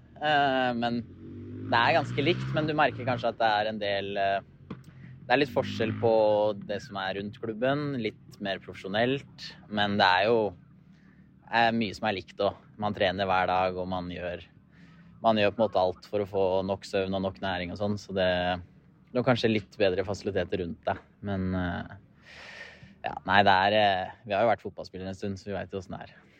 Enig i det? Ja, det er vel kanskje litt mer tilrettelagt nå i form av at man, det er fotball man gjør, da. Så det er kanskje litt lettere akkurat det. Siste eh, tabelltips da for hvor ender vi på med, med Sandefjord i Eliteserien? Si tiendeplass? Vi sikter oss inn på en tiendeplass, vi. Ja. Lykke til. Takk for det. Så Fredrik Bergli er eh, stålsatt for en eh, ny sesong i bunnstrid. Ja, de hoppa litt eh, over bunnstrid da, i Ja. år, men, men han innrømte jo det at han forventa at de aller fleste av de som har peiling på det, vil spå de helt i bunn. Ja. Men uh, Inklu inkludert oss. Ja, det får vi komme tilbake til når den tid kommer. Men, jeg eh, caller det allerede. Sandefjord rykker ned. Men tenk kaoset i bakre rekke i Sandefjord der i kampens hete når han roper 'Kom igjen, Skeid!' Ja. så alle ser på hverandre, og ingen Det er så jeg, jeg, har veldig stor forståelse for det, men det er også veldig gøy. Eh, Men det må jo skje ganske ofte, tror du ikke? Folk bytter Jo, jobber hele altså, I hvert fall i starten. Ja, og i hvert fall når det altså, sant, Det kommer litt an på sant, hvor lenge du har vært der, hvilke forhold du har til klubben og sånn. Men for Fredrik Bergli, som liksom har eh, si både så mye å takke Skeid for, men har vært i Skeid så lenge og liksom har det forholdet han har til folk i Skeid, da. Så, så, så syns jeg det var, at det var gøy, men det var også litt godt å høre, på en måte. At han liksom fortsatt tar med seg Skeid liksom litt, litt videre. Fordi det er liksom å Gå rundt der og, og skrike på 'kom igjen, Skeid' til lagkameratene i Sandefjord. Det er liksom Sandefjord bare sånn Hva, hva faen er det? Altså, jeg, Det hender fortsatt. Jeg skriver aslak.borgersrud.computerworld.no som e-postadressen min. Altså, det er jo begynner å bli en 7, 8, 9, 10 jeg vet da faen år siden. Ja, sånn er det. Skifter du jobb, liksom. Så det, ja, jeg ringer fra den og den. Ja, nei, stemmer det. Jeg jobber ikke den avisen lenger. Ja, ja. Det er hyggelig å vite at eh, fotballspillere også er mennesker. Så nei, det var Det er kjempefine folk, eh, begge de to. Så det blir spennende å se. Det, altså, det blir spennende å se eh, de to sammen, som er stoppepar. Mm. For det er jo kanskje de to beste stopperne som har vært i eh, Oslo-fotballen de siste par årene.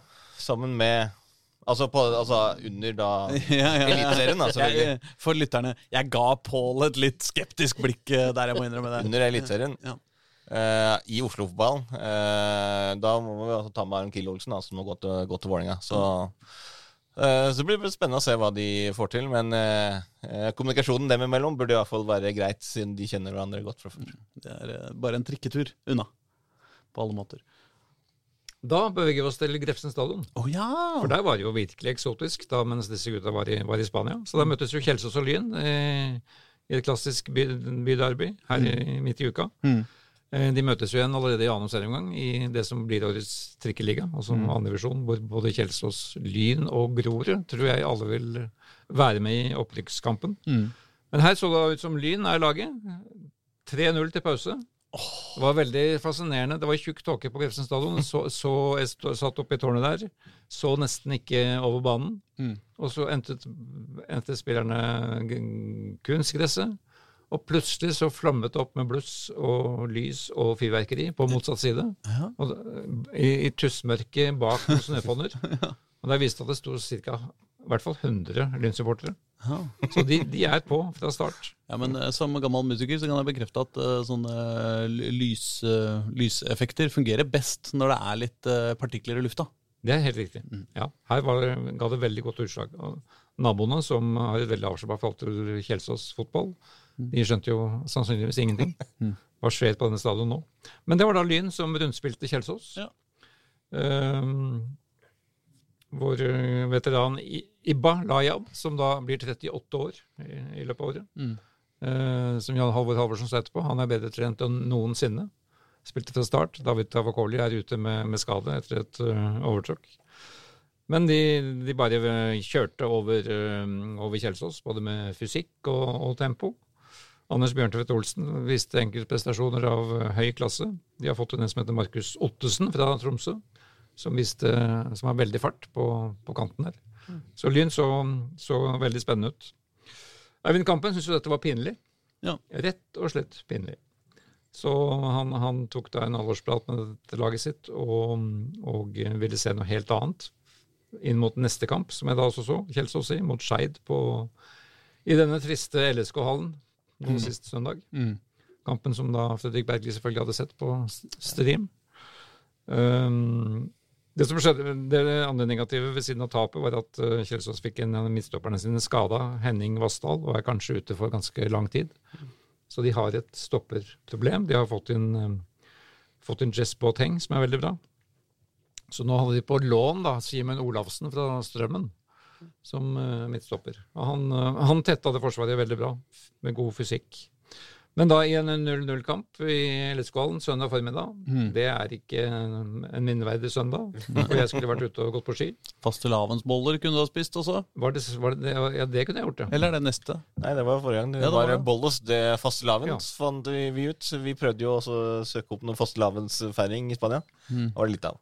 Nei da, så Skeid Kjelsås, kamp nesten uten målsjanser. Det var jo da um, Skeid som egentlig var vel nærmest, bortsett fra at Leo Beck Hermansen hadde en suser i tverrliggeren for Kjelsås rett før slutt.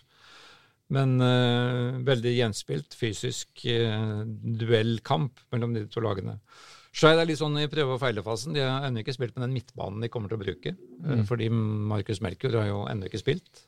Mm. Men skal da være med til Tyrkia, hvor de reiser i dag. Bendik Riise skulle spilt, men han var blitt sjuk, så han var heller, heller ikke Reiser med. de på treningsleir til Tyrkia? De reiser på treningsleir til Tyrkia i dag, faktisk, når dette spilles inn. Tirsdag. Og det, Eh, det, det er ikke den, det er da den delen av Tyrkia hvor som ikke er ramma av jordskjelv. Ja. Så dette var de overhodet ikke bekymra for. Nei. Og har da, som vi har vært innom, jeg syns jo det er merkelig med disse treningsleirene hvor man reiser og møter kjedelige norske lag. Mm.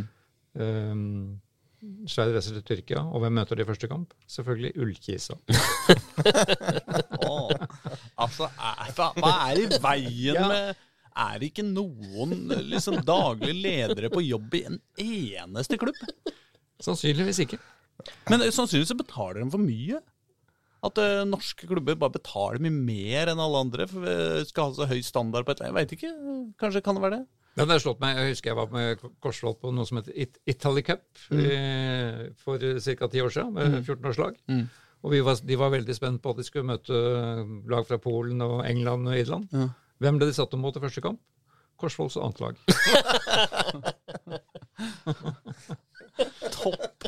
Like, Like Dette må de, må de fikse. Altså, det skal jo være litt gøy òg, å reise på tur. ja, det skal være det. Så vi håper de har, har det gøy på tur, da. Ullkisa, det er ganske stusslig, altså. Ja. Når du reiser til Tyrkia og skal liksom Hei, Mossan og gøy og treningsleir og sånn, så er det Ullkisa. Ja. Men Men de tapte da 0-3 for dem med en begredelig treningskamp her for en, to uker siden. Så hadde, kunne vært verre. de Kunne har, vært de strømmen. har iallfall noe å. Det kunne vært, Kunne vært strømmen. det kunne vært strømmen. Det er det, Men unnskyld meg, jeg må bare, bare få ett skritt tilbake. Det er jo et skremmeskudd for Vålinga dette. Fordi at uh, Skeid spilte jo uh, Slo Moss litt. Var vi enige om det? Nei, det var uavgjort. Nei, Moss. Vålerenga Sveits slo Moss 1-0. Ja, Scheid, ikke sant? Og Vålerenga slo Moss 2-0. Så det er på en måte på nivå. Vålerenga er på nivå med Skeid. Skeid spilte uavgjort mot Kjelsås, så, er- så, så, så da altså Vålerenga og Skeid er på nivå med Kjelsås. Og Kjelsås grisetapte for Lyn! Så det vi kan slå fast, er at Lyn er langt bedre enn Vålerenga. Nei, nei, nei, nei, nei, nei. Vi, vi skal ikke fullføre det resonnementet helt ut. Men, uh, men jeg, uh, jeg er redd. Ja, tilbake til deg, Reidar. Unnskyld avsporinga. Vi skal møte Vålerenga 2 i løpet av sesongen. her Vi er vel i samme, samme liga. Oh. Ja, da, nei, da, nei, men for å fullføre med Skeid, jeg snakka så vidt også med kapteinen. Altså, Den som var kaptein nå for Skeid, da, var Fredrik Flo, som hadde overtatt plassen til uh, Fredrik Bergli. Mm. Men det var jo da, det er på lån, for det er vel eh, Ble han sendt opp, og så slo bekken høyt og langt på han? Nei, eh, Ah. han har ikke kommet så langt, men han kan gjøre det. For han, han har spilt spiss i sin barndom. Ja. Eh, Fredrik Flo. Og dette er da sønnen til Håvard Flo. Ja, ja, og, altså, du trenger ikke si, nevne at uh, en spiller som heter Flo, uh, er høy, har krøller Nei. og er god på huet. Knølle var det dårlig med, oh, ja. men god på Ja. Men det bruker han nå primært i forsvar. Mm. Som stopper. Men Skeid skal da prøve å spisse en elver da, mens de er i Tyrkia. I tillegg til Ullkisa så møter de da et ukrainsk lag. Ah, Så det kan jo bli litt mer eksotisk. Um, Grorud har har vi ikke vært mye gjennom. nei, dem har vi ikke De skal jo Kjempe med Lyn og, og Kjelsås. Om, uh, de skal jo rette opp igjen i Obos-ligaen. Mm. De skulle spilt mot Hønefoss uh, i, i helga på Grorud Arctic Match, men den er da fortsatt ikke klar. Så da fikk de snudd den, og Hønefoss stilte sin bane til disposisjon. Vi har jo litt Grorud-info, Pål. Vi ble jo sendt eh, vi, vi måtte inspisere Grorud sin Marbella-bane, rett og slett. Kunstgress av alle ting. Ja, Dette skjønte eh, vi ikke. Nei. Frode Englund, eh, mediesjefen der oppe, han eh, ringte jo og spurte om vi kunne dra og inspisere banene som de skulle trene på. Eh, fordi eh, de hadde jo fått det her gjennom noen eh, for, Altså, de hadde jo ikke sett den selv, da. De hadde bare- fått anbefalt det. Mm. Fordi de skal jo spille på kunstgress eh, hele sesongen. Mm. Eh, derfor så ville de ikke trene på naturgress eh, i Spania. Ja. Eh, og derfor så måtte de finne en kunstgressbane. Eh, og da var jo vi eh, behjelpelige med det. Mm. Kjørte Hvor lang tid det tok det? 20 minutter fra, fra Marbella cirka.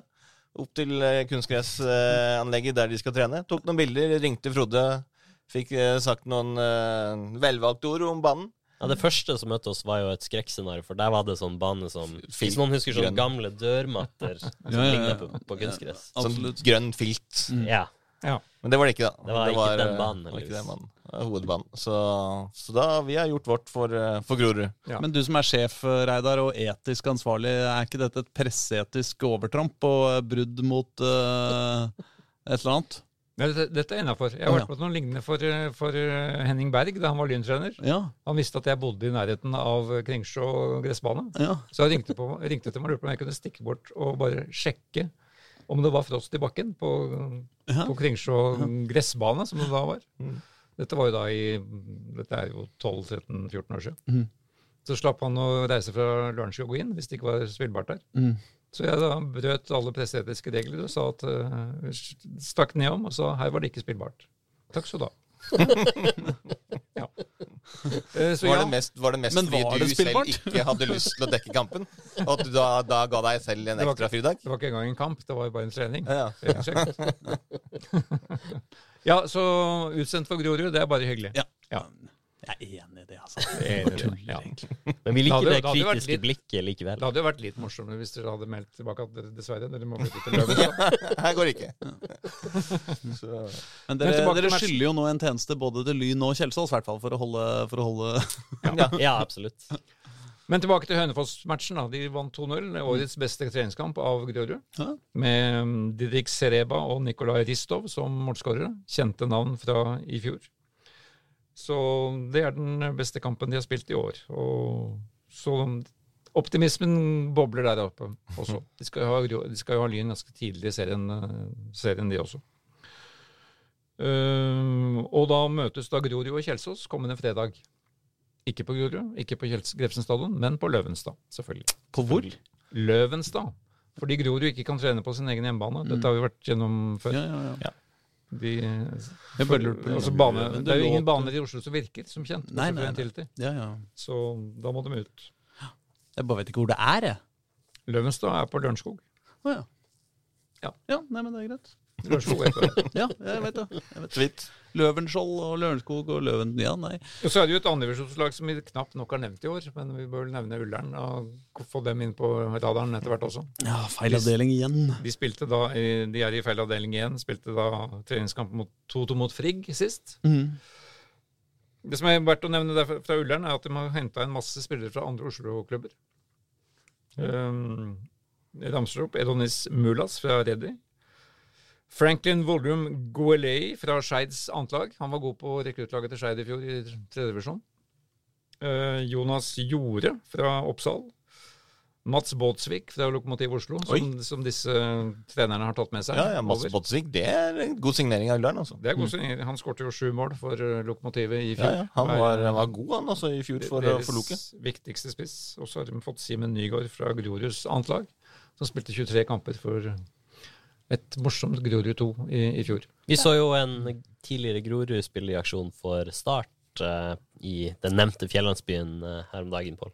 Quinn, ja. Det var vel eh, eh, Fabian Ness, eller var det Ja, Øst, broren? Østegård Ness. Østegård Ness var Ja. en av de, i hvert fall. Da, Fabian, han som nå eh, ikke lenger er i eh, han Det var som- Fabian. Det var Fabian, Ja, Fabian. Ja. Han som nå ikke er i Skeid. Ja. en av de, er Eh, Så det er vel det jeg har å by på fra disse lavere ligaene. Vi må kjapt innom damene. Eh, Ja. vi har ikke, altså- det har vært stille om dem. Det vi kan konstatere med Lyn-damer, er at det er, det er da Oddbjørn Sinland som er trener for laget nå. Hovedtrener. Som er mannen som uttaler seg til eh, sånne som oss.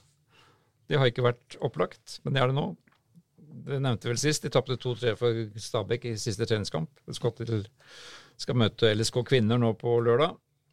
Uh, Camilla Melgaard tilbake etter mye skadeproblemer i vinter. Det var den positive nyheten derfra.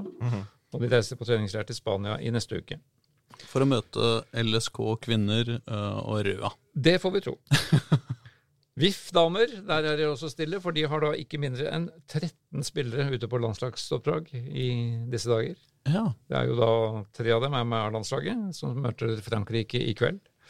Halve laget spilte jo når eh, Danmark slo Norge. Ja.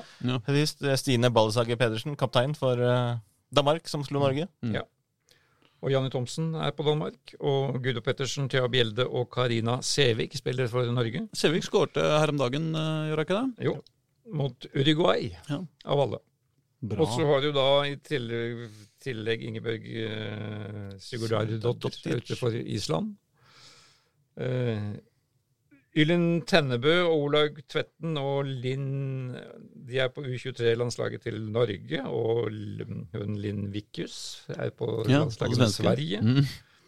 Og Stine Brekken og Emma Iversen og Mava Seyai. Mm. Ja. Og Mari Nyhagen er på jenter 19-landslaget. Så med andre ord, det er, det er ikke så mye som skjer her. Tenk Det deg de sitter og er øh, deppa, de som ikke får dra på landslagssamling. Liksom bare Men det har da signert Ane Jørgensen, ny stopper fra oh, ja. Stabæk. Oh, ja. Har skjedd siden ja! Det sist. har ikke jeg fått på meg. Nei, Jøss. det har du fått med deg nå. Ja, men det setter jeg pris på. Um, ja. Er hun gammel, eller? Er Nei, vet du noe om henne? Nei, det har jeg ikke fått tid til. Men Nei. jo, jo dette er en, hun, hun er altså på Jenter 19. Um, Ja, ikke sant? Ja, så her har vi et uh, Oppdrag. opp- Ja, i hvert fall den alderen. Ja. Så hun er ung, ung og lovende. Ja, det er bra. Det liker vi. Mm, ja. Vålerenga drar jo ned igjen til uh, altså Nesten med, med en gang etter at de kommer tilbake igjen, disse landslagsspillerne til Vålerenga. Så drar de også ned igjen til uh, Marbella. Mm. Eh, 28. februar, det er jo om en uke. Det er vel ja, neste eh, tirsdag. Så drar de ned en uke til, der de skal møte Brann i en treningskamp 6. mars. Mm. Ja. Så det, blir, det er litt interessant. Det. De, dere nevnte vel sikkert eh, 0-0, strålende 0-0-kampen mot Fortuna Gjøring. Ja. Forrige, forrige uke. Men det, det, er, det er litt interessant det med å se på, på Vålerenga damer sin, sin eh, oppkjøring. Eh, når den er ferdig, og altså hvordan den vil innspille på, på årets sesong. De har jo gjort store grep. Mm. Altså De har gjort det nettopp for å matche seg mot andre lag, litt sånn som Vålerengas herrelag også ønsker, men som de jo da ikke har fått til. Så, eh, så blir det spennende å se om det da gjør at de faktisk får Altså heva prestasjonen. da. Kanskje det bare er sånn at uh, Harriet Rudd er bedre enn Erik Espeseth til å få det til. Ja, dette er den ligaen som starter først. Ja. Ikke så lenge, lenge til. Eh, det er vel 25. mars. Til og med kommet et serieoppsett. Så det er ikke, Ja, det er ikke verst. det er ikke bare, verst bare det. Det er vel bare en knapp måned til. Ja. Eller en drøy måned, der, kanskje. Til, uh... Så der er vi. Ja, ja men skal vi, eh, skal vi si det sånn, da? Eh, Vi får en heseblesende tid framover i trikkeligaen. Det skal ikke bli så mye Vålerenga framover, men vi hadde en plan for neste uke, hadde vi ikke det? Jo, vi har jo da altså, Nå så jeg til min overraskelse at TV 2 banker ut en, enda en mimreserie om uh, fotballandslaget. Som heter Våre beste menn. Ja. Som starter kommende helg. I konkurranse med podkasten med samme navn. Ikke minst. Ja. Det er litt spesielt navn, men det er jo morsomt at uh, podkaster også slår inn i TV 2. Mm. Så Trikkeligaen blir jo etter hvert Ja. Får bli sin egen TV-serie også, tenker jeg. den lisensen blir ikke billig, det skal jeg bare ha sagt. Men hovedpersonen er jo da selvfølgelig igjen denne Egil Drille Olsen, Mm. eh, som har da sagt ja takk til å besøke Trikkeligaen, en Ja. podkast. Så vi skal hjem til han eh, i neste uke. Ja. Og da skal vi ikke snakke om landslaget så mye, men vi skal snakke om hans pussige fortid i Frigg og Lyn og ikke minst Vålerenga. Så hvis det er noen som har noen spørsmål eh, som dere drømmer om at vi skal eh, stille når vi først har eh, Drillo i, eh, foran mikrofon, så, så kan dere sende en, enten en tweet til Trikkeligaen, eller så kan dere bare sende en e-post til uh, f.eks. meg, aslak.borgersrud at Det kan bli mye 60-tallet, men vi skal prøve å få litt 2000-tallet også. Altså, det kan bli mye effektiv fotball. eh, Det kan bli mye eh, Mye perler. oppgjør. eh, Det kan bli flyvende perler, til og med. eh, Hvis jeg ikke eh, Ja, spillestil. Han vil, han snakker, vil gjerne snakke om spillestil. Dette gleder vi oss til. Dette gleder vi oss eh, fælt til. Nei, men Så send inn noen spørsmål eh, hvis du har noen, ellers så kan du bare glede deg. Takk for i dag. Vålerenga Raufoss neste. Yes. Ha det. Ha det.